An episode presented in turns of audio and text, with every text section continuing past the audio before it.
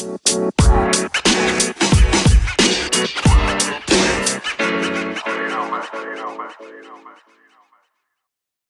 misalkan lu bisa putar balik waktu gitu ya, ke awal-awal sebelum kuliah, apa yang bakal lo lakukan? Kalau gue sih balik ke masa lalu, gue gak usah punya pikiran yang kayak sekarang, nggak masalah. Gue nikmatin aja dulu masa lalu gue kayak sebelum kuliah, semester 1, semester 2 itu paling gampang cari temen, koneksi ke mana-mana.